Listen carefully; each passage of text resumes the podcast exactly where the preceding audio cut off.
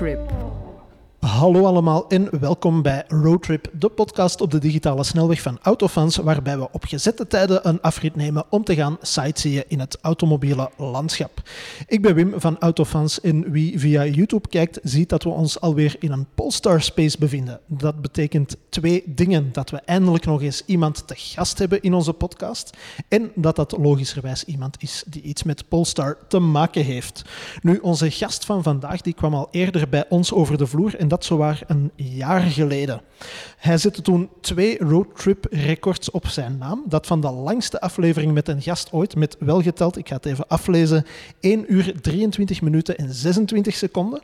En dat van verste afstand tussen onszelf en de gast in kwestie, met in vogelvlucht zo'n 8000 kilometer. Op dat moment bevond hij zich namelijk op zijn kantoor in het Chinese Chengdu.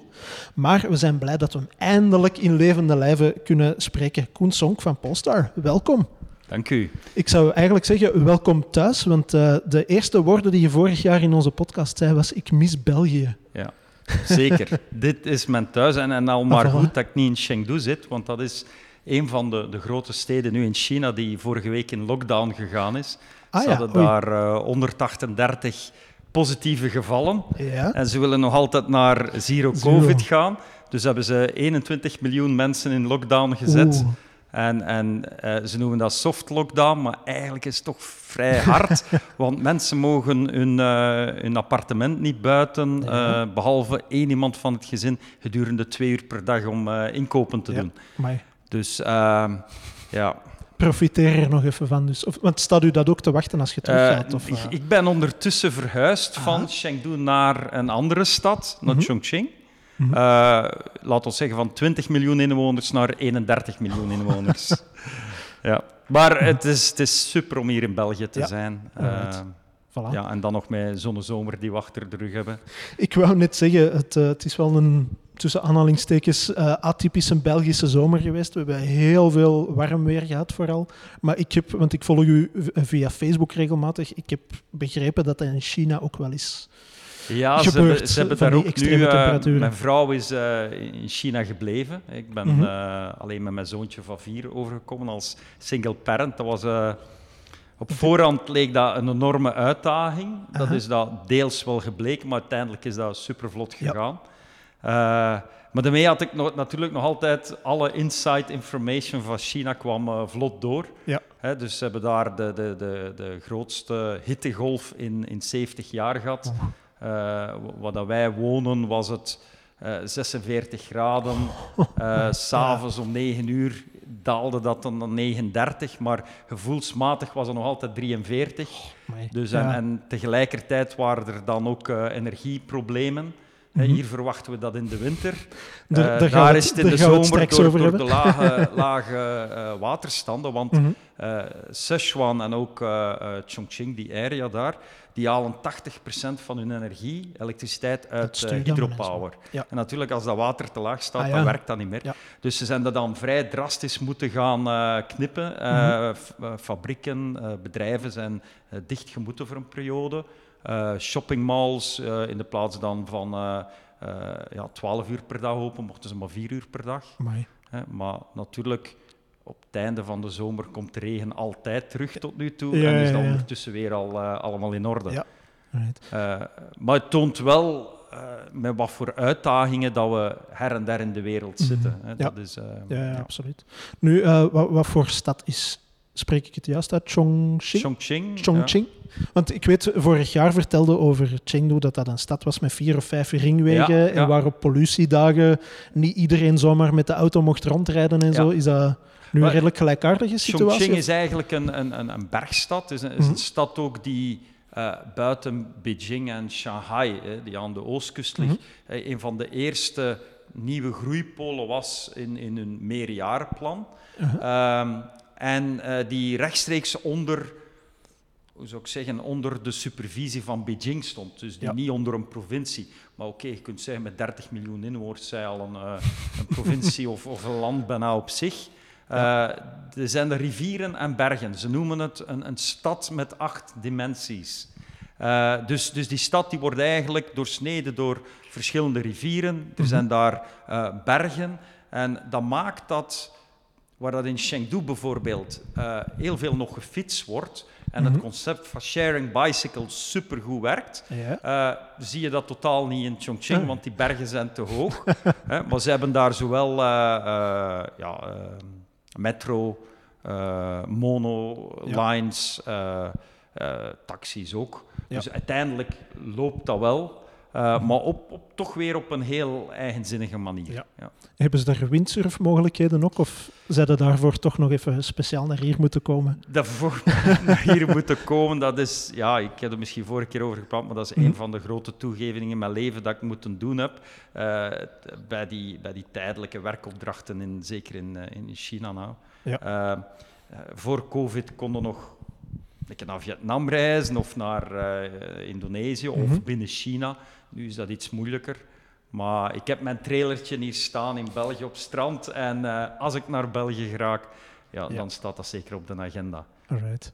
Dus je hebt, je hebt er hier deze keer van geprofiteerd om uh, in onze eigen Noordzee nog eens ja. het zeil we hebben, we hebben Galde Taan, het waren warme dagen hier. Ja. Maar in België is dat grote voordeel dat je dan uh, zeebries krijgt. En die is perfect om op het water te gaan. Ja, ja, zeker en vast. Nu, um, je hebt ook, hier heb je ook kinderen, als ik mij niet vergis. Hè. Hoe, hoe gaan die daarmee om? Ja, een vader die, laat ons zeggen, het grootste deel van de tijd eigenlijk aan het andere eind van de wereld woont, uh, die daar een professioneel leven heeft en die dan af en toe toch eens naar hier komt. Dus mijn, mijn eerste uh, Tour of Duty, gelijk dat ik dat De Tour of Duty, inderdaad. Ja, ja. 2010, 2015 ja? waren eigenlijk mijn kinderen mee, mijn twee oudste ah, kinderen.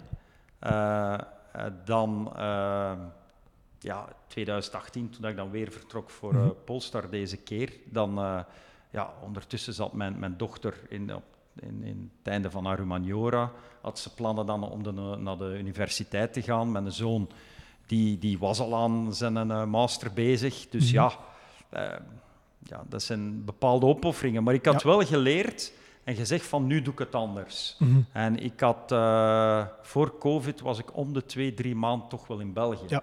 Ik zorgde ervoor dat ik mijn uh, verlof nam, niet om, om nieuwe dingen te ontdekken, mhm. maar om eigenlijk mijn banden met mijn familie, met de roots, ja, ja, uh, aan te halen en te onderhouden. natuurlijk door COVID.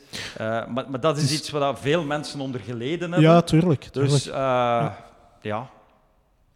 Nu, dat was ook een van de redenen om te zeggen van nu ga ik naar België. Ik ben hier vorig mhm. jaar een aantal weken geweest, uh, alleen. Mhm. uh, toen was dat heel kort, veel ja. te kort.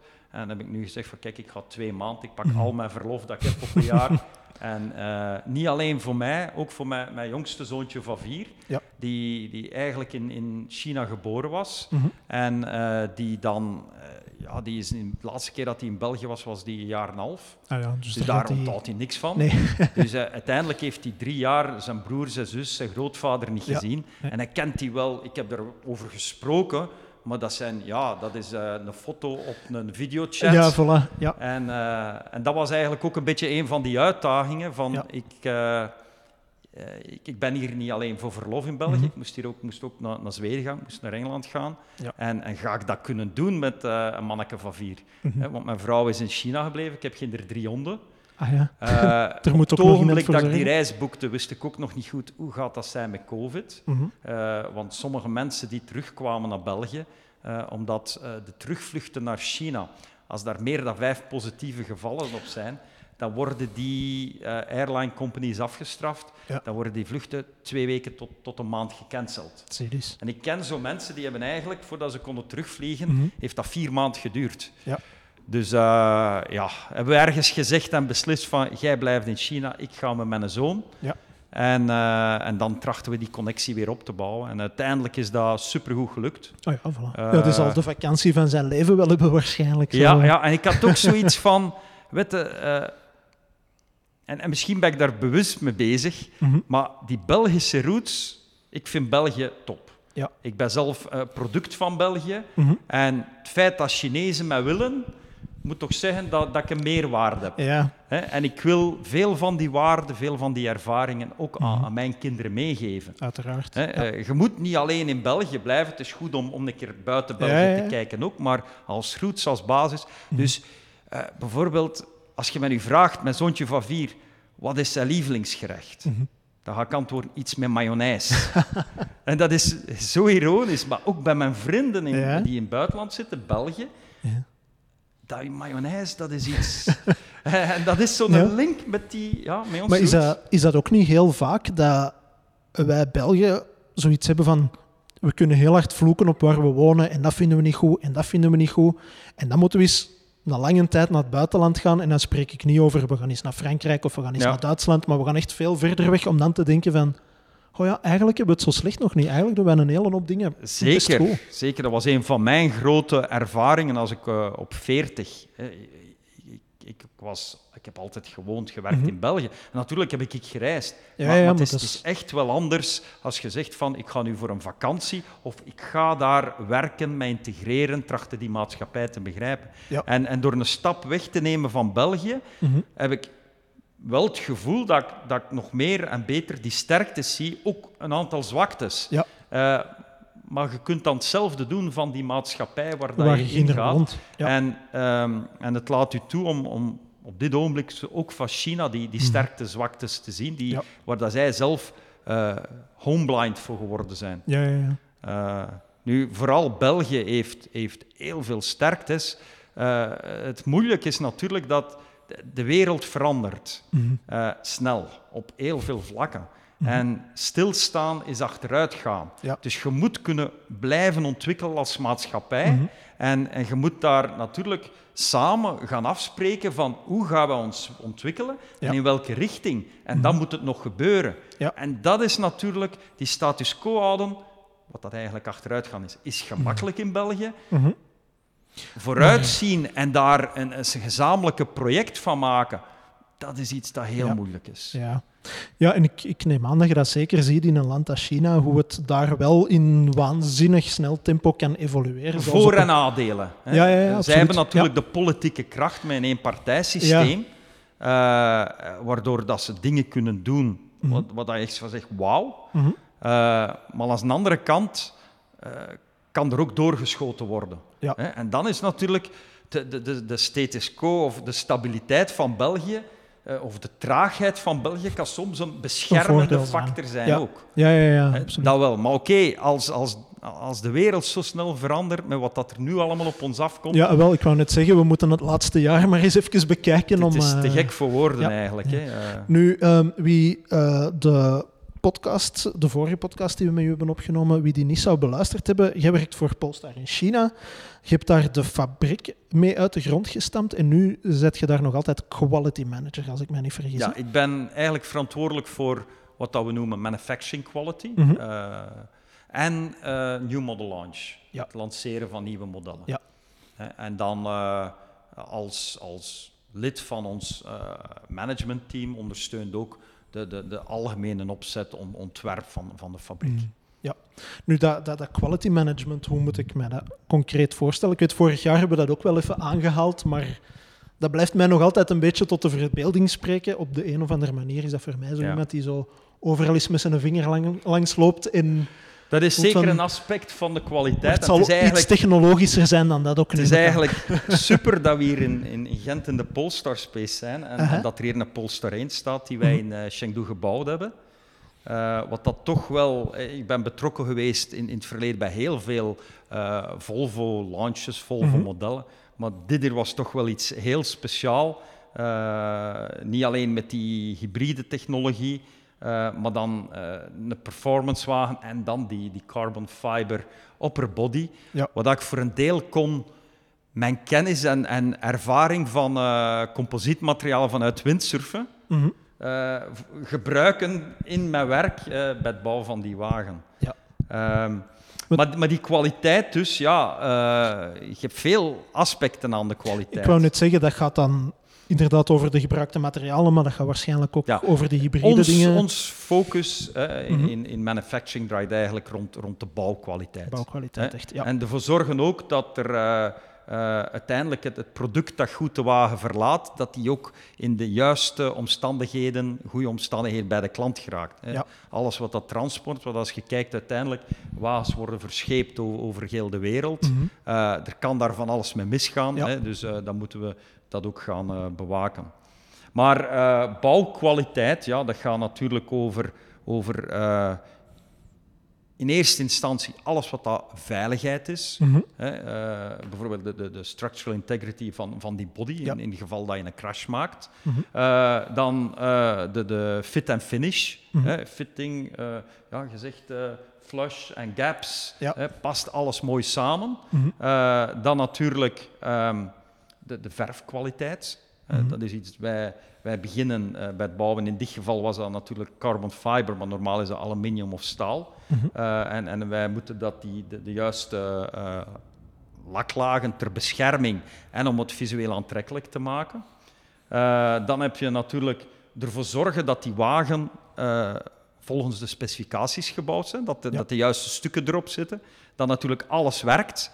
Mm -hmm. dan dat, dat gedurende het bouwen dat er niks beschadigd geraakt. Hè? en we moeten dat natuurlijk doen op nog een efficiënte manier. Uiteraard. Ja. Uh, er zijn natuurlijk andere delen, aspecten van kwaliteit die, mhm. die, die, er ook komen en die zijn dan meer van belang tijdens de ontwikkeling. Ja. wat we eigenlijk samen met de leveranciers de, de standaarden, de, de, de, de normen gaan bepalen van, mhm. van hoe goed dat die wagen moet, uh, moet zijn. Uh, en dan, ja, als je dan spreekt over die design quality, engineering quality, mm hè, dan gaan we meer spreken over ja, welke systeemoplossing is nu gekozen om tot, tot die bepaalde uh, functie of, of dat, dat, gewenste attribuut te komen voor, voor die klant. Ja. Hè? Dus dat, dat gaat dan rond, uh, kiezen wij hier plastic, kiezen wij hout, kiezen wij iets anders? Mm -hmm. uh, of wat soort leder gebruiken we? Of gaan wij voor een, ja, een, een fly-by-wire of nog met een kabel? Ja. Hè? Ja, of ja, tunen, alles er rond. Mm -hmm. Hebben jullie dan het afgelopen jaar, of misschien zelfs de afgelopen twee jaar, ook te lijden gehad onder het grote tekort waar zowat de hele industrie onder te lijden heeft gehad? Of uh, uh, is dat zeker, voor jullie minder een uitdaging in, geweest? Binnen Polestar, Polestar 2 hebben we opgestart en gelanceerd te midden van, 2020 van de coronacrisis. Ja. ja. ja. gelukkig hadden wij daar nog alle onderdelen in de toevoerlijnen en, mm -hmm. en is dat nog meegevallen. We hebben door COVID een kleine verstoring gehad in, in die... Uh, er was een, een, kleine lockdown, dus dat, mm. dat, dat hebben we, maar al bij al is dat nog meegevallen. Ja. Voor Polestar 1 zijn we eigenlijk uh, uh, de productie gestopt. Hè, die, ja. Die... ja, dat was van meet af aan eigenlijk al een redelijk ja, een afgeleid verhaal. Hè? Ja. ja. Uh, en daar is dat ook allemaal meegevallen. Wij hadden bijna alle onderdelen op voorhand al gesourced en we hadden die in-house. Ja. Uh, Natuurlijk, ja, nu, nu zijn die uitdagingen er om, om heel ons productiesysteem uh, aan de draai te houden. Ja. Nog altijd. Um, ja, de, de, ik heb de aflevering deze week nog eens uh, opnieuw beluisterd. Ik was het eerlijk gezegd vergeten, maar ik vind het zo leuk, omdat je er vorig jaar zo bescheiden over bleef, uh, dat je eigenhandig een aanbod van de personal assistant van Elon Musk hebt geweigerd. Ja. Uh, heb je daar nog altijd geen spijt van? Nu het over fit en finish in lak en zo ging en panel gaps. nee, denk ik dat je nee, nog altijd... Geen, geen, altijd geen spijt. Maar het blijft wel fascinerend om ja. Tesla te blijven volgen ja. en, en te kijken hoe, dat hun totaalaanpak is. Mm -hmm. En uh, vooral dan ook, uh, zij zijn in hun manufacturing, uh, zij zijn wel op een andere manier gaan denken. Gaan beginnen denken, Ik ja. denk dat je kunt zien dat een bedrijf geleid wordt door een, een soort van superengineer. Mm -hmm. En je kan zien op Polestar dat ons bedrijf, onze CEO, is eigenlijk een, uh, een designer. designer ja. Hè? Dus uh, dat vertaalt zich in, in de brand identity, die mm -hmm. toch wel een beetje verschilt. En, en voor een deel in, in het eindproduct. Ja. ja. Ja. Nu, ik ga er meteen een soort stoute vraag achter koppelen, maar ik ga mij ook meteen nader uh, verklaren. U werkte dan intussen niet een beetje bij het Europese slash Zweedse Tesla. En ik ga het meteen verklaren, want als we rond ons heen kijken, zien we ginder een elektrische auto staan die dat je een single motor en een dual motor kunt bestellen, een standard range, een long range, die je eigenlijk online bestelt, maar ook in een bijzondere showroom van naderbij kunt gaan bekijken. En ik weet, het is wel advocaat van een duivel, want ik weet waarom dat jullie het doen. Um, maar ja, het, het, het, fascineert mij wel een beetje dat Polestar zegt, we gaan het op die manier Tuurlijk. doen en er zijn grote parallellen. Uiteindelijk, uiteindelijk heeft Tesla, we moeten Tesla credit geven wat dat mm -hmm. ze gedaan hebben. Ze, hebben. ze hadden een visie van een elektrische wagen kan even goed werken als een, een ICE. Mhm. ze hebben uiteindelijk het bewezen. Mhm. ze hebben heel creatief bezig geweest, ze hebben richtingen gezet op heel veel vlakken. Ja. dus als je kijkt naar naar wie kan je mhm. benchmarken op veel vlakken, mhm. dan is dat vandaag naar Tesla. Ja. Eh, op heel veel vlakken zijn ze heel mhm. goed bezig. De markt is natuurlijk groot genoeg voor meerdere Tesla's naast elkaar. Ja, ja, ja. En, en, en klopt dat, dat Polestar heeft zich uh, als bedrijf op veel vlakken in het begin gericht naar, naar Tesla.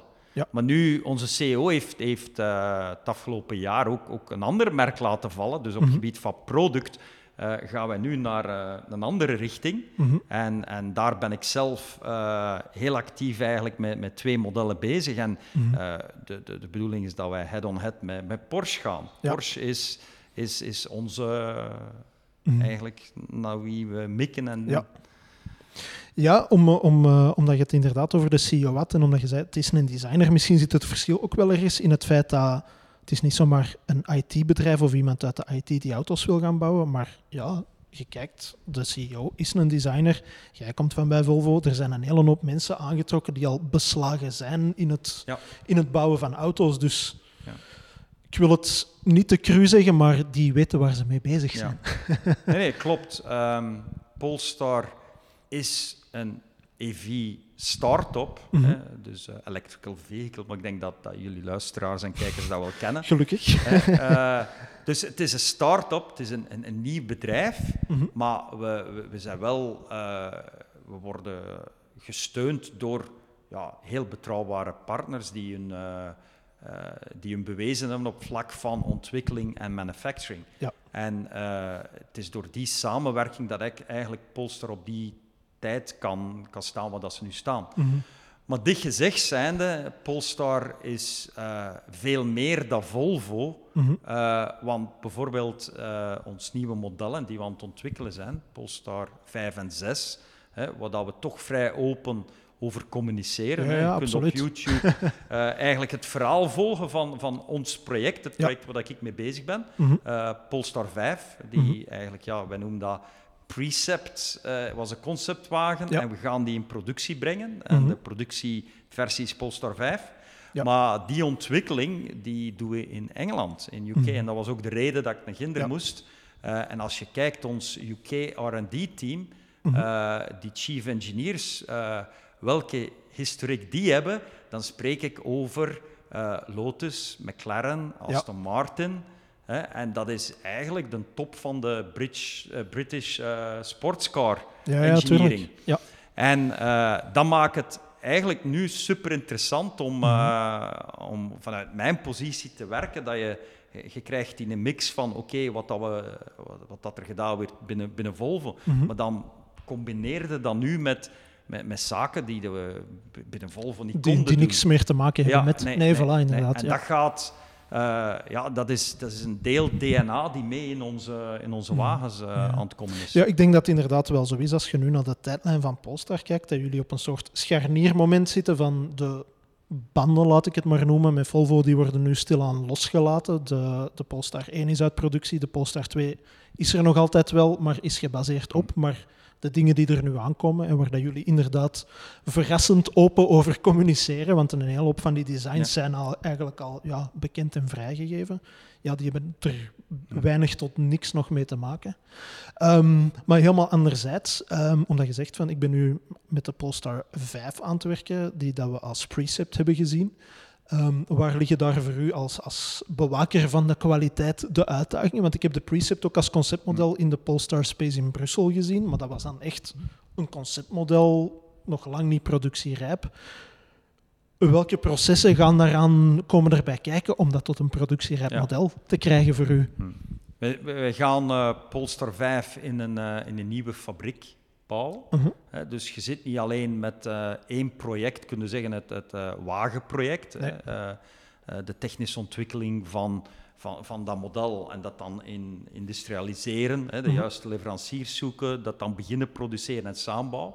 Maar daarnaast gaan we ook een, zijn we dus een, een, fabriek, een site aan het opbouwen. Mm moeten we natuurlijk ook de juiste mensen recruteren, opleiden, om uiteindelijk dat, dat, dat product te bouwen volgens de juiste normen. Mhm. Ehm, dus ja, Tegelijkertijd is Polestar zelf als bedrijf nog volop in ontwikkeling. Zijn we aan het mhm. kijken van hoe moet nu uh, Polestar als bedrijf uh, het best werken. Ja. Dus dan spreken we eigenlijk al over vier subprojecten. En dan zijn we eigenlijk ook nog op, op vlak van uh, hoe dat we digitaal met, met systeem werken, zijn we ook onze eigen weg aan het zoeken. Mhm. dus, dus dat maakt dat ja, dus de scope, de uitdaging eigenlijk veel groter is dan wat dat we klassiek gewoon zijn van uh, gewoon uh, een nieuw model ontwerpen. Maar dat mhm. laat ons wel toe om in, in al die vlakken eigenlijk te kijken van ja, hoe doen we dat nu op de beste manier mhm. en hoe doen we dat nu op de Polestar manier. Ja konden ze dan eigenlijk twee maanden missen als ik dat allemaal zo hoor, wat, dat er, uh, wat dat er klaar ligt op hun bureau? Want... Het goede was wel dat ze in, in Zweden moesten ze ook in uh, vakantie ah, gaan. En, en, in Zweden, dat is een van de weinige landen wat ik, die, die ik ken, mm waar dat vier weken zomerverlof eigenlijk verankerd zit in de wetgeving. Ah, ja. Dat is bijna een, een recht. Ja. dus, dus op dat vlak van Zweedse mails kreeg ik gedurende mijn verlofperiode. Ik had die samengelegd niet ah, veel. in, in, Engeland is de druk iets hoger nu, maar ja, dat, dat, was ook wat. En, en voor mij was het eigenlijk even een stap terugnemen van, van China. Ehm, goed, oké, enerzijds ben ik geconnecteerd. Mhm. Dus uh, er is zes uur tijdsverschil. Dus elke morgen uh, zit ik nog altijd in bepaalde meetings ik, lees, ik ben niet gestopt met e-mail, dus je gaat wel nog bepaalde. Een beetje de, de vinger aan de pols. Ja, ja, ja vinger aan de pols, lijntjes in de hand. Ja. Uh, maar daarnaast is het ook, uh, we zijn een, een, uh, een, een, organisatie aan het opbouwen, ik ben een team mm -hmm. aan het opbouwen. Mijn, mijn, mijn plant quality afdeling, ja, die moet binnen een jaar en een half gaat die rond de 100 mensen zijn. Ja. inspectors, engineers, mm -hmm. alles bijeen, supervisors. Uh, dus we zijn die langzaam aan het opbouwen. En mhm. het is ook het ideale moment om een keer eigenlijk de touwtjes los te laten en te kijken van, weet het, neem nu het, initiatief, ja, doe het. Het kan op zich draaien. Ja, ja. ja. dus dat is dan in de ontwikkeling in de, in de, de, de, van de mensen zelf en van de organisatie, is dat mhm. goed om soms van die momenten te hebben. En ik heb dat dan gecombineerd. En, uh, nu, uh, het goede is wel, uh, en dat geeft eigenlijk misschien een voorbeeld van, van flexibiliteit in China. Mm -hmm. de twee plaatsen uh, waar we deze bouwden en dan waar we die andere gaan bouwen, die liggen ongeveer 300 kilometer uit elkaar. Mm -hmm. En um, vrij veel van de mensen waar ik mee samenwerkte om deze te bouwen, die hebben gezegd van wij volgen nu naar die nieuwe plaats. Ja. En uh, dus dat wil zeggen dat we ook niet van op uh, uh, helemaal opnieuw onze organisatie. We, hebben al, we bouwen verder op wat dat we hadden. Ja. Hè? natuurlijk, dat past niet voor iedereen, maar gelijk in mijn afdeling is dat toch ja, de merendeel, ik zou mhm. zeggen 80% die, die, die ah, mij volgt. Ja. dat is op zich ook wel een schoon compliment natuurlijk. Ja, ja, ja, ja, leuk. En, en, en ja, dan kunnen we daarop verder bouwen. En, en ik denk, dat is een, een van de...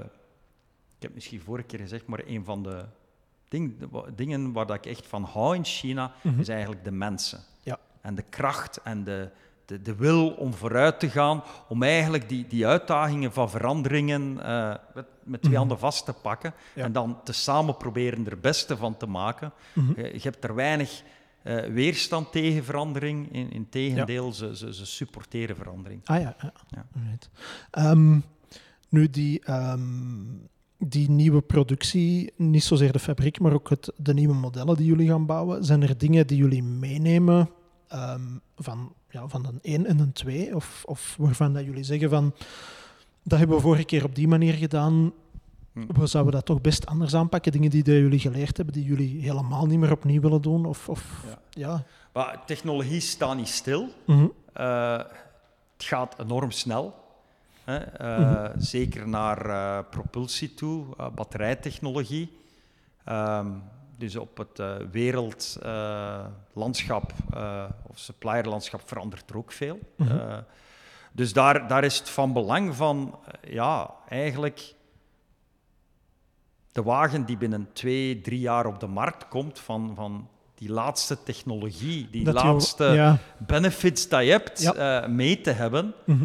dus uh, dat wil ook zeggen dat je bepaalde zaken in, in, je, in je systemen niet kunt bevriezen, dat je eigenlijk zo lang mogelijk moet wachten. Maar mhm. oké, tegelijkertijd moeten wij equipment kopen, moeten we ons uh, voorbereiden. Dus uh, er, voor bepaalde equipment zijn daar uh, leveringstijden. Mm niet zo gemakkelijk, met, met, daar hebben we ook wel last van gehad, met, met verstoring zowel van, van de semiconductors en, en, en de situatie met, met Rusland nu. Ja.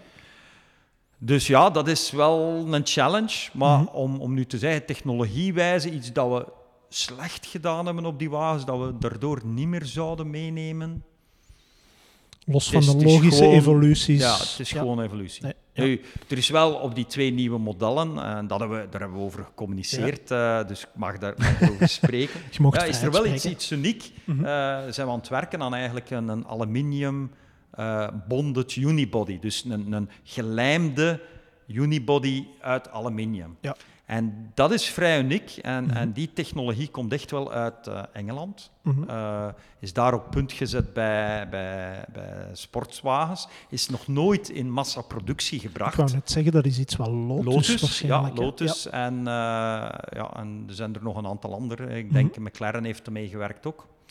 Ja. en dat heeft als voordeel, groot voordeel, dat als je, als je een las maakt, bijvoorbeeld een aluminium Mm Je las zelf gaat heel sterk zijn, maar je verzwakt toch altijd het materiaal dat ernaast ligt. Ja. En door te lijmen heb je dat niet. En mhm. eh, uiteindelijk, uh, om lang verhaal kort te maken, kunnen we daardoor gewicht besparen enerzijds en nog een stijvere uh, body maken. Ja. En dat is dan, zeker als je spreekt over die, die sportwagens, hè, mhm. want Polestar 5 en 6 zijn echt wel uh, sportwagens, uh, dan, dan heeft dat heel veel voordelen naar de, de dynamische performantie, wegling van die wagens. Ja, er is gewicht natuurlijk een beetje de key hè, voor sportwagens en EV's. En nu natuurlijk uh, stroomlijn. Ja. Stroomlijn, het effect op... veel mensen beseffen het niet, maar ik, ik zie wel dat langzaam die kennis begint door te mhm. sijpelen. Ik denk zeker in de EV-community, maar mhm. nog niet bij, bij de grote massa, dat ja, de, de luchtweerstand ja. die gaat eigenlijk niet lineair met de snelheid, uh, maar hoe sneller dat rijdt, dat is uh, logaritmisch. Mm -hmm. En uh, dus in ene keer wat dat vroeger minder aan de orde was, vooral om die range te halen, gaan, we, gaan we op termijn weer meer en meer aerodynamische ingrepen zien. Ja. en ook wagens die terug lager worden. Hip hip hoera de brek. ah, dat, dat zou de Nief moeten horen. Hij zit nog altijd te wachten op de elektrische Polestar brek. ja.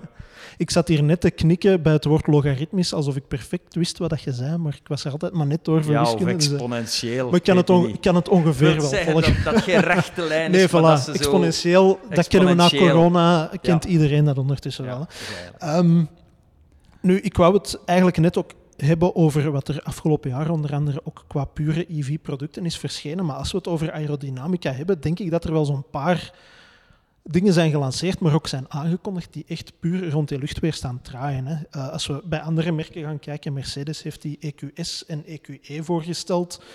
Uh, ik heb het met Sven, die achter de camera staat, op weg naar hier nog over gehad, over hoe dat heel hard het design beïnvloedt, maar dat maakt wel dat dat relatief zuinige auto's zijn die een hele lage luchtweerstandscoëfficiënt hebben. Uh, Hyundai doet het nu ook met een Ioniq 6, denk ik.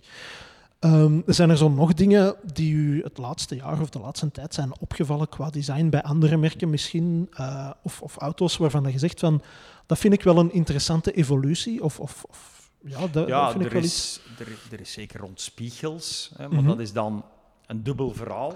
Hè, wat dat ze met camera's werken. Dat vind ik ook nog moeilijk. Toch, sommige landen de wetgeving dan nog niet toelaat. En dan zetten ze er een spiegel bovenop. uh, en, en natuurlijk ook, ja, dat is altijd afwegen. Technologie mhm. laat bepaalde zaken toe. Maar in, in dagelijks gebruik is het even gemakkelijk. Ja. Hè? En, en sommige concepten blijven toch ja, goed te zijn, gelijk buitenspiegels, die, die helpen naar achter kijken. Ja. Maakt dat op een personenwagen zoveel verschil uit eigenlijk? Maar Met camera in plaats van zo'n schelp? Want we hebben ik weet eigenlijk gezien bij de eerste generatie Drive-E van Volvo. Ja. ah ja, die, die had zo'n camera zonder. Dat, dat was zo een... Ja. Um, toen had dat veel te maken met uh, de CO2-emissies, die mhm. altijd maar strenger en strenger. Ja. En uh, er was binnen, binnen Volvo eigenlijk een, een engineer mm die zei van, ja, maar in de plaats dan weet je, grote dingen te doen, als wij nu een keer dit daar, en, en dat was een uh, x aantal kleine ingrepen, mm dan kunnen wij eigenlijk dat CO2-uitstoot zo naar beneden halen dat wij, mhm. dat wij ja. En, en dan hebben zij die Drive-E-lijn uitgebracht en dat is mhm. een enorme hit geweest, ook in de fleet market. Want zij zaten door kleine ingrepen, maar de hele som, op een niveau waar dat de concurrenten op dat ogenblik niet zaten. En dat was dan een fiscaal voordeel. Mhm. Uh, dus ja, het is, het is soms niet in de grote dingen, maar in de som van vele kleine dingen. Ja. ja, we zijn er nu een beetje over aan het uitweiden, maar ik vind dat gewoon heel fascinerend, omdat ja, Audi was er dan zo gezegd... Allee, het is gewoon een tweestrijd geweest tussen Audi en Lexus van de eerste productieauto met camera's in plaats van achteruitkijkspiegels. En dat gaat de grote revolutie zijn, maar we zijn ondertussen drie, vier jaar verder. En los van de Honda E in alleen vrachtwagens, maar daar maakt het dan denk ik wel een groot verschil. Maar ik heb het gevoel dat dat Wel, zo... Je, moet het, je moet het afwegen en, en, en, en, daar is een simpele spiegel uh, werkt uiteindelijk heel goed. Ja. de kostprijs speelt zeker ook mee. Mhm. En, en oké, technisch zijn er misschien een aantal nadelen aan dat soort camera ook. Want ja, waar zit uw beeldschermpje? Een beetje lager. Ja. Het is niet juist op dezelfde plaats. Nee, inderdaad. Dus hè, wij zijn wel ook bezig met iets uh, met camera's, maar dat is mhm. dan uh, naar uh, in de, de, achter, de centrale spiegel. Ja. Hè, wij, als je naar de precept kijkt, mm dan, dan hebben we geen achteruit. Nee. Hè, maar dat geeft ons heel wat voordelen naar styling, naar hoofdruimte achteraan. Ook om tegelijkertijd die, die aerodynamica te kunnen verbeteren. Ja. maar oké, okay, je wil wel kunnen naar achter kijken. Mhm. Maar daar de oplossing die ze uitgewerkt hebben is eigenlijk super, werkt goed. Ja. Je hebt eh, een display op mhm. de plaats waar je normaal kijkt. Ja. En het beeld dat je krijgt is eigenlijk veel scherper. Ah, ja. En zelfs als het donker is, zie je perfect wat dat er achter je gebeurt. Mhm. Dus, dus daarin, in die context, uh, heeft het wel zin. Natuurlijk, heb je een wagen met een achteruit, dan moet je daar mhm. geen camera zetten. Nee. Of tenzij dat je het combineert met een uh, achteruitrijcamera voor de stoep te ja, daar heb ik... Want er zijn merken die dat er ondertussen nu ook al mee experimenteren, of die je gewoon kunt omklikken. Uh, ik denk Subaru heeft het een tijd gehad en Land Rover, als ik mij niet vergis ook. Maar als ze nog een gewone achteruit hebben, dan moeten mijn ogen altijd wennen aan het display. Ja. Dus je kijkt door de gewone spiegel en dan heb je het beeld van je achteruit, maar dat is zoals dat ik nu naar u kijk. Maar als je het omklikt naar een display, dan kijkt het door je voorraad en dan kijkt je ineens op een scherm. En ik heb altijd het gevoel dat mijn ogen zo even... Gelukkig evolueert een techniek en ah, wel, dan neem ik ook daar, dat dat ondertussen ook al zodanig... Ja, je merkt het bijna niet. Het gaat naadloos over. Ja. Dus, uh... ja, ja, ja. En ik neem ook aan, in de, in de, omdat we het er net over die aerodynamica hadden, als ik mij niet vergis, de Precept had ook echt heel specifieke luchtgeleiding in de snuit. Uh, ja, uiteindelijk, en dat ga je zien in Polestar 3. Mhm. de foto's die gereleased zijn, zie je al dat in die motorkap dat er daar wat elementen in zitten. Mhm. en, en, en uiteindelijk heeft het, heeft het te maken met ervoor te zorgen dat de stroomlijn van achter bovenaan de wagen niet loskomt. Ja. En je kan met die stroomlijn werken aan de achterkant, maar je kunt heel veel doen aan de voorkant. Mhm. En uh, zo dus die, die front aerospoilers, uh, dat geeft uh, u voordelen vooral op iets hogere wagens. Mm dus uh, ja, op, op dat vlak uh, staat het zeker niet stil en nee. hebben we zeker nog niet het, het, het, einde gezien. Nee. Zijn er, want ik weet dat je heel fanatiek ook het hele EV-gebeuren opvolgt, for obvious reasons, maar zijn er ook dingen die u die, die je af en toe tegenkomt, ik zeg maar iets, op die Facebookgroepen of, of, of ja, op het internet in het algemeen, van nieuwe technologieën die u veelbelovend in de oren klinken? Ook al zijn ze misschien nee, nog niet helemaal productierijp. We zien nu, en, en misschien zien we dat nog iets sneller in China, omdat dat zo'n grote automarkt is en die door veel toch van uh, bedrijven gebruikt wordt om als eerste dan uh, dingen te gaan uittesten. Mm -hmm. dus uh, ja, je ziet dat uh, rijk bereik, het rijbereik, rijk bereik is eigenlijk bijna hetzelfde, maar, maar ja, er komen nu wagens op de markt die echt claimen van 1000 kilometer te kunnen rijden met ja. in charge. dus uiteindelijk zijn de meeste merken richten zich zo uh, ja, richting 600 kilometer. Mm -hmm. En dan, dan is dat eigenlijk geen probleem. Nee. Want 600 kilometer rijden, dan zijn toch al een aantal uren onderweg. Ik wou net zeggen, dan, dan zijn al toe aan een pauze. Nodig. Ja, absoluut. Combineert absoluut. dat dan met, met uh, de mogelijkheid om te snel laden. En we, mm -hmm. spreken allemaal, de wagens die op de markt komen, dat je eigenlijk van 20 tot 80 procent uh, state of charge, dat, dat je binnen de 20 minuten. Mm -hmm. dus wie stopt, als je een keer stopt zelf voor gewoon te tanken en tegelijkertijd even een koffie neemt, ja. ik bedoel, 15 tot 20 minuten zijn snel kwijt. Ja, zeker. Dus daar uiteindelijk is de ontwikkeling dat je bijna kunt tanken gelijk dat je tankt met een, met een benzinewagen. Hey, op dezelfde momenten, op dezelfde manier. Ja. Uh, dus anderzijds, er zijn wel technologieën. NIO heeft dat, uh, is, heeft dat eigenlijk in, in voeg. Ik heb zo'n vriend, die, iemand die kent die met een NIO rijdt, mm -hmm. die, die gaat zo naar een uh, swapstation. Ja, juist, hè, de, de battery swaps. Ik, ik, dacht eerst ook van, weet je, dat is...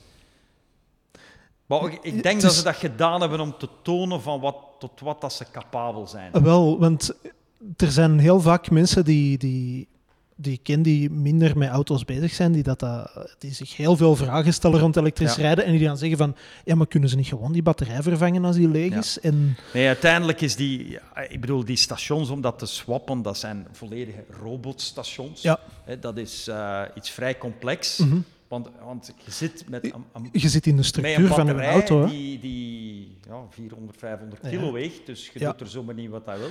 Dan moet je dat nog op de, op de juiste manier bevestigen dat dat niet lostrilt. Ja. Uh, dus, dus die, die, die uh, bouten, die moeten, hè, die torcontrole, dat mm -hmm. moet allemaal kloppen. Die ja. elektrische aansluitingen, dat is uh, high voltage, dus, dus naar veiligheid toe.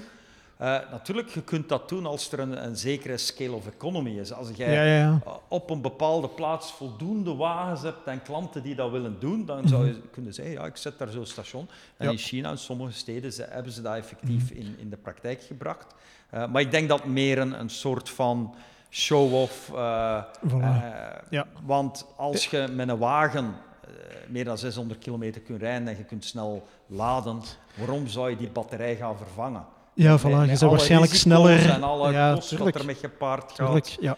Um, ja. ja. en waarschijnlijk als ze er dan toch nog iets hebben uit kunnen leren, NIO, ja, dan is het ook handig meegenomen natuurlijk, ja. het experiment. Ja, want uiteindelijk, de, de gele, uh, en dat is iets dat bij de meeste merken wel uh, gebeurt nu, dat mm -hmm. de batterij en dan de, de batterijomhuizing uh, maakt eigenlijk deel uit van de structuur van de wagen. Ja.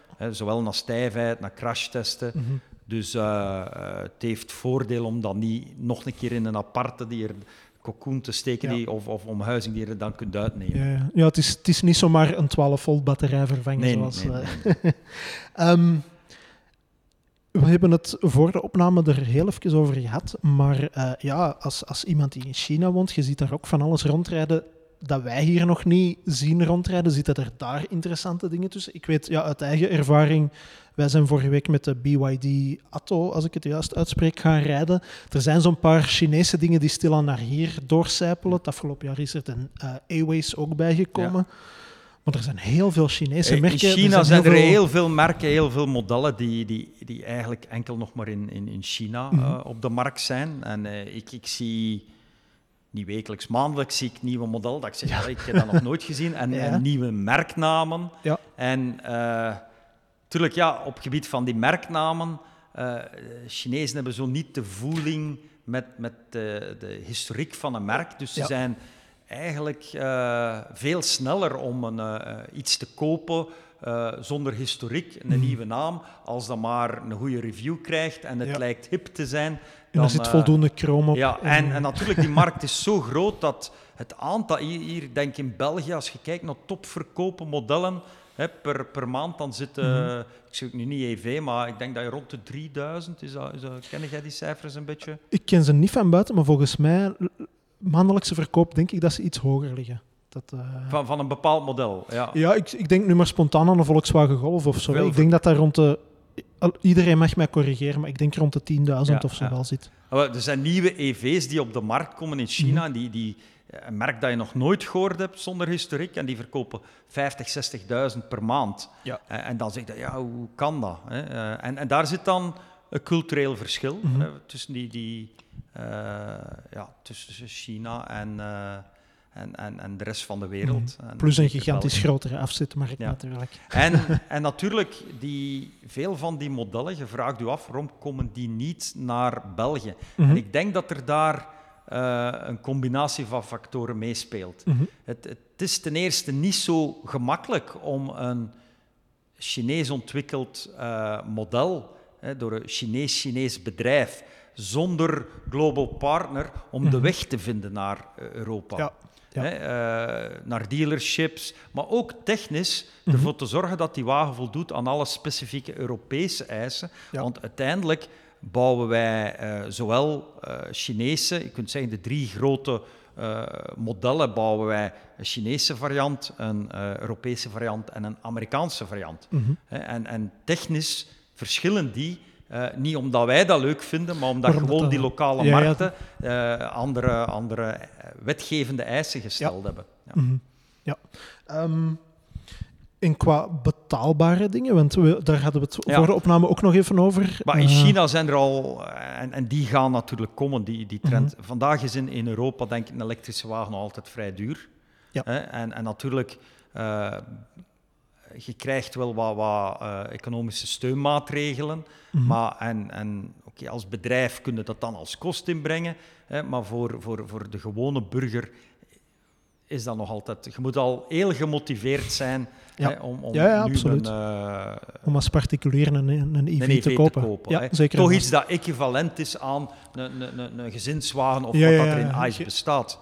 Um, in China zie je nu dat er heel veel modellen op de markt komen die eigenlijk ja, uh, lager in prijs gaan. Mm -hmm. Uh, natuurlijk, je hebt dan geen, gelijk Polestar 2, dat heeft bijna sportcar performance. Mm -hmm. dat ga je op die wagens ja. niet hebben. Nee. Dus je gaat ergens wel inboeten, mm -hmm. maar die, die, in alle merken gaan nu de komende jaren zijn aan het werk om betaalbare EV's ja de, de prijs, de technologie is er, ze hebben de, mhm. omschakeling gemaakt en, en, de prijs van batterijen en, uh, en, en, van de andere onderdelen gaan naar beneden gaan. Ja. Allee, tenzij dan natuurlijk die, die energiekost blijft stijgen.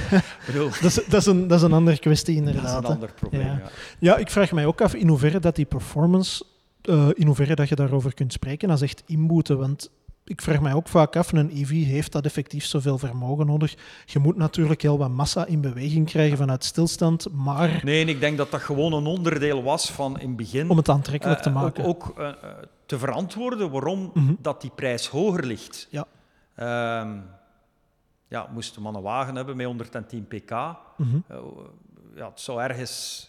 Dus het, het is eigenlijk meer een, de, de, de sterke kanten van een EV een beetje meer in de verf gezet. En dan uh, om op die manier een opening te maken. Ja, uh, maar natuurlijk, uh, uiteindelijk niet bij ons, maar ik heb daar wel over gelezen dat er zijn mensen die zeggen, ja, een elektrische wagen die heeft geen versnellingsbak nodig. Mm -hmm. dat is een van de grote voordelen. Maar uiteindelijk gaan wij toch op elektrische wagens versnellingsbakken zien omdat je dan uh, die elektrische motor kan mhm. wat kleiner zijn. Ja. je gaat op een andere manier die krachten overbrengen. Mm -hmm. uh, je gaat ervoor zorgen dat zonder probleem dat ook kleinere wagens een, uh, een remork kunnen trekken. Mm -hmm. en, en dat kan technisch opgelost worden door een soort van versnellingsbak. Ja te zetten. Uh, er, zijn, er zijn er al. Hè. Ja. De, de Taycan is zeker en de Audi e-tron GT, die hebben een soort tweetrapssysteem. Ja, zo. maar dan spreek dat is beperkt natuurlijk. Meerdere, ja. Ah ja, ja, ja, ja. Eh, en, en ja, dat, is, dat komt ook. En, en dat mhm. gaat er ook voor zorgen dat die prijs kan, kan gedrukt worden. Ja, ja, ja. Ehm, wat ik ook een hele interessante theorie vond, rond, om nog even terug te komen op die Chinese merken, ik heb het uh, voor de opname ook even gezegd, van, is dat ze heel vaak naar hier komen met één model om iets te proberen en om gewoon even een teen in het water te steken en te zien van hoe reageren de consumenten hier mhm. daarop, wat willen ze, wat willen ze niet, wat vinden ze goed, wat vinden ze niet goed om dan zich even terug te trekken en dan nadien een groter offensief te lanceren. Nu, dus... ik, ik, moet nuanceren. Um, ja. Er zijn eigenlijk twee soorten van Chinese bedrijven. Mhm. En ik noem dat de Chinese global, hè, de, mhm. de, de, globale Chinese bedrijven. En dan, ik noem die andere de Chinees-Chinese. Ja. En uh, die Chinees global, dat zijn eigenlijk gelijk dat Volvo, Polestar, maar ook Volkswagen, Mercedes, eigenlijk alle global players, merken, die mhm. zitten in China op de markt. Ja. en die zijn daar, sommigen hebben een joint venture partner, een, mhm. een, lokaal Chinees merk, waar ze mee, mee samenwerken. SAIC of zo bij Volkswagen is ja. onder andere. Ja. ja. Uh, en, en bij BMW denk ik dat Brilliance is. Ja. zo, en dan je hebt Cherry, je hebt Great Wall, je hebt zo. uh, maar uiteindelijk zeggen die twee, kijk, wij zijn partners mm hè, en zij ontwikkelen samen de wagen, zij produceren samen, zij zetten dat op de markt. En dat product dat je daar krijgt, dat is eigenlijk juist hetzelfde gelijk product dat je hier op, op, op de weg ziet. Ja. Hè, dus op die manier zijn er al heel veel ja, kunnen zeggen, Chinese producten die op de markt zitten, want uiteindelijk doen we die mhm. ontwikkeling samen. Ja. Uh, dan hebben de bedrijven, like Volvo Polestar, um, doordat wij uh, Chinese hoofdaandelen houden, mm wij zijn niet Chinees, wij zijn globale bedrijven, headquarters in, uh, in Zweden. In Zweden. wij ja, produceren eigenlijk op alle, in alle markten. Er bestaat heel vaak discussie rond. hè, ja. Er zijn Chinese hoofdaandeelhouders. Mhm. Maar dat heeft ons wel de mogelijkheid gegeven om in China uh, te gaan werken mhm. en eigenlijk ons eigen team op te bouwen. Wij waren niet verplicht om een, joint venture. Uh, ja. Maar wij hebben daar zowel Volvo als Polestar opgebouwd mm uh, als, weet als eigen bedrijf. Mhm. Die ook in, in zaken van uh, bedrijfscultuur. Hè, alle elementen eigenlijk eh, is er geen verschil met wat dat we doen in, in België of in Zweden of, of, in Amerika.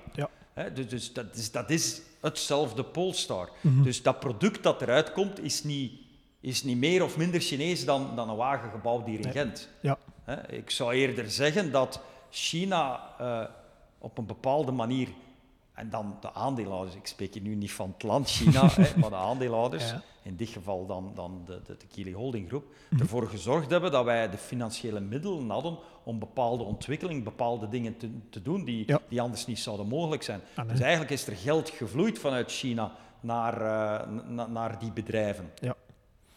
Nu, teruggaan naar die andere, de Chinees-Chinese, dat zijn dan uh, bedrijven die dikwijls een roots hadden in, in uh, state-owned, een, een, overheidsbedrijf, mhm. of die dan zelf opgestart zijn van daaruit.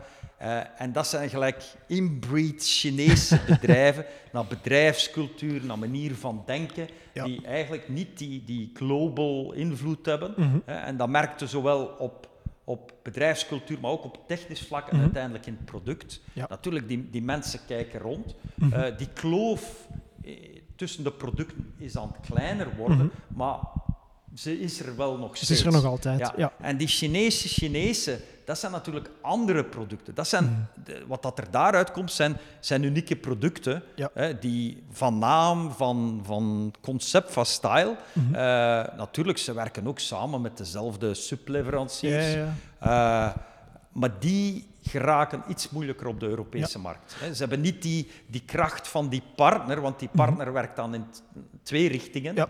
gelijk dat Link Co gebruik maakt van uh, Volvo Service Network. Mm dat, dat, dat, geeft hun de mogelijkheid om op een eenvoudige manier hier uh, met een model op de markt mhm. te zitten. Hebben, hebben die Chinezen hebben dat niet.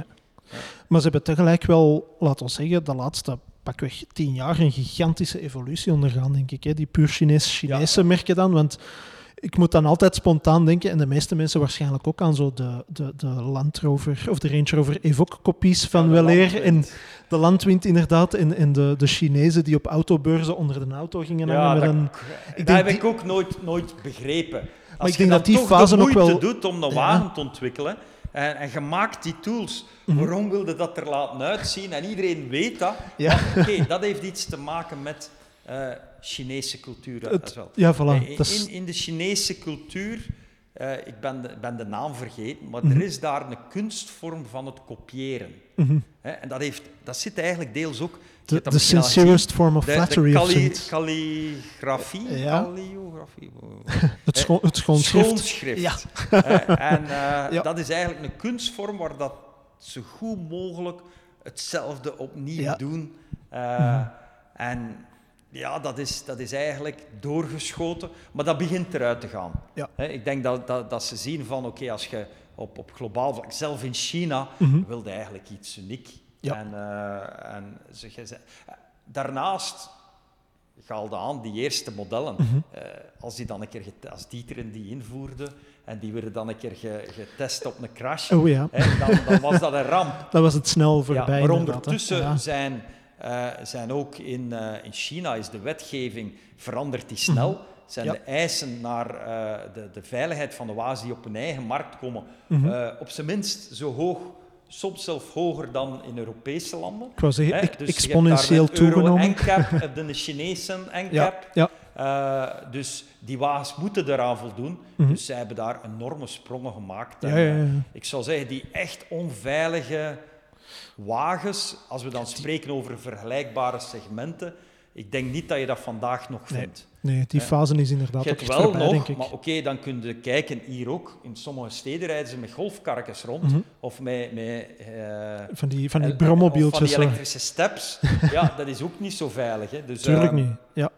ja. Ja, maar, ja. maar de evolutie eh, gaat snel en ik, ik, Mhm. natuurlijk verwachten we dat uh, in de komende jaren meer en meer van die modellen gaan naar de Europese en Belgische markt komen. Ze gaan hun wegen vinden. Dus uh, uh, het gaat alleen interessanter worden, uh, Mhm. maar ze zullen hun pijlen zeker enkel richten op EV. Ja. En dat is dan de grote transitie die gaande is. De koek moet herverdeeld worden. Mhm. En ze spreken dikwijls in de EV-community over de traditionele bedrijven versus de, de nieuwe. Mhm. Hè, en, en er is daar pro en con. Uh, maar iemand gaat moeten inboeten aan volumes. Ja. Hè, en wij doen er alles aan dat dat, dat, dat, dat, dat niet Polestar is. Maar uh, het, het is, het is uh, op dat vlak in de automotive industrie een zwaar gevecht dat, dat gaande is. Ja, ja, ja. ja, ik denk dat dat wat de, de, de tendens van de laatste jaren is. Hè. Nu, om stilaan richting het einde te gaan, ik wou nog eens even terugblikken op uw twee maanden hier. Heb je ook uh, een verschil gemerkt op vlak van infrastructuur? Want ik weet, vorig jaar was dat ook zo'n beetje een, een, onderwerp van discussie van hoe Europa of België in het algemeen een beetje niet zozeer achterop hinkt, maar dat je wel merkt van hier is nog heel veel werk aan de winkel. Is u dat opgevallen in het laatste jaar, dat er daar sprongen voorwaarts zijn gemaakt? Of, of denkt u van, maar, we zijn er nog niet... Um, ik denk, ik denk bijvoorbeeld... vorige week is er voor de eerste keer iemand die uh, op basis van de batterij van zijn wagen Mhm. mm -hmm. zijn, zijn huis kunnen poweren ja. heeft met uh, elektriciteit. Mm -hmm. Hè, maar oké, okay, dat is nog één geval. Mhm. mm -hmm. dat, dat, dus, maar de vraag is, hoe ga je dat allemaal uitrollen in, in, in grote aantallen? Mhm. Ja. Uh, de, de laadproblematiek is nog altijd daar. Ik denk Mhm. misschien zelf uiteindelijk er gaan meer en meer EV's komen, dus, Mhm. dus om het probleem op te lossen moet uw laadinfrastructuur veel sneller gaan dan, Ja. want anders blijft het probleem identiek Mhm. hetzelfde. Hè? En, uh, en daar moet men ook wel echt kunnen samenwerken uh, en niet uh, reglementering gemeente per gemeente. Mhm. Er moet daar een, een, een, een globale aanpak, of niet globaal, een landelijke aanpak zijn. Ja. Uh, ja, zonder, zonder, een blik politiek te willen opentrekken, maar dan gaat er ook heel veel rond energiebevoorrading moeten ja, bepaald ja. worden en, en, en, knopen doorgehakt worden en zo, denk ik. Hè? Ja, en, en, en daar zitten we dan ja, nu met een nieuwe realiteit. Ja. Ja, om, om heel die, die EV-transitie te doen, heb je, heb elektriciteit nodig ook. Hè. Mm -hmm. Ja, voilà. Ja. Ehm, ik wil uh, stilaan afronden, uh, maar ik wou er nog een uitsmijter tegenaan gooien. Vorig jaar was dat een tweestrijd. Ik ga ze eigenlijk identiek opnieuw voorleggen. Dus een soort twee darlings en je mocht er ene van overhouden en de andere met een beetje pijn in het hart opzij schuiven.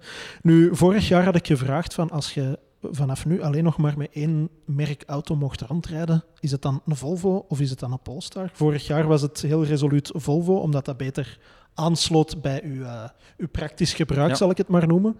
Met wat je nu weet ondertussen, van wat er zit aan te komen, zonder daarover in detail te moeten gaan, blijft die keuze hetzelfde? Of... Polestar 3. Polestar 3? Aha, dat is heel resoluut. en hij zit er uh, redelijk kort aan te komen, denk ik. Ja. De... Voilà, alright. Dan uh, zijn we heel benieuwd naar wat dat, uh, het, het finale ja, het finale design weten we ondertussen al, maar de finale specs en zo gaan zijn.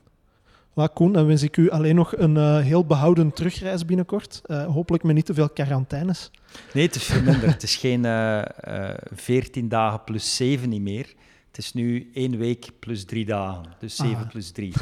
het is ondenkbaar. Maar de vraag is wel, als ik daartoe kom, gaat die stad in lockdown zitten of niet? Voilà, ik wil ja. net zeggen, het is ondenkbaar, laat ik hopen Mijn vrouw dat had al gezegd van, als we in lockdown gaan voor hij vertrekt, blijft dan nog wel langer in België. voilà, alright, maar ik wens u desondanks een uh, behouden terugreis en uh, veel u. succes, Ginder. Ik zie hier net een EQE passeren trouwens, ja. dit geheel terzijde, omdat we het over stroomlijn hadden. Um, ja, en voor de rest, ik zou zeggen, als je nog eens terug in het land bent, geef een centje. Altijd... eigenlijk, eigenlijk omgekeerd. Ik hoop dat er uh, vervolg gaat komen, maar dat mm -hmm. ik jullie kan uitnodigen in, in China. Uh, wel, ik, ik, ik ga het niet, niet, niet rap vergeten, liever, maar dat is de enige keer dat ik in China ben geweest. Dat was voor de lancering van het merk Polestar. Maar dat was zo'n omslachtige procedure en dat was zo'n kort verblijf dat ik dacht dat is wel pittig. Maar ik wil het, allez, ik wil het heel graag... Laten we hopen dat, dat, dat, ze, dat die COVID ah, wel, in China Ik kan net zeggen, de, de, procedure is niet eenvoudiger geworden met corona, nee. maar... Uh, ik zei het ook nog tegen Sven op weg naar hier, van fabrieksbezoeken. Ik vind dat waanzinnig boeiend om te zien. Dus ik, ja. We, ja, ik neem de uitnodiging ben, graag aan, maar het zijn alleen de procedures. een hele leuke testtrack bezig. Alright, dat is en als een, we daar voilà. dan op een bepaalde dag zo'n op Polestar 5 of 6 kunnen samen op testen, dat zou dat ah, wel, leuk zijn. Dat zou... Ja, ah, wel, ik begin al een beetje te dagdromen. of dirigent, hè? Ah, wel, voilà, kijk. Maar China klinkt iets stoffer, dus wat mij betreft is dat een deal. Koen, merci. Uh, iedereen die gekeken heeft via YouTube of die geluisterd heeft via de geëikte kanalen, bedankt voor het kijken en luisteren. Over een paar weken zijn wij er opnieuw met een nieuwe roadtrip. Tot dan.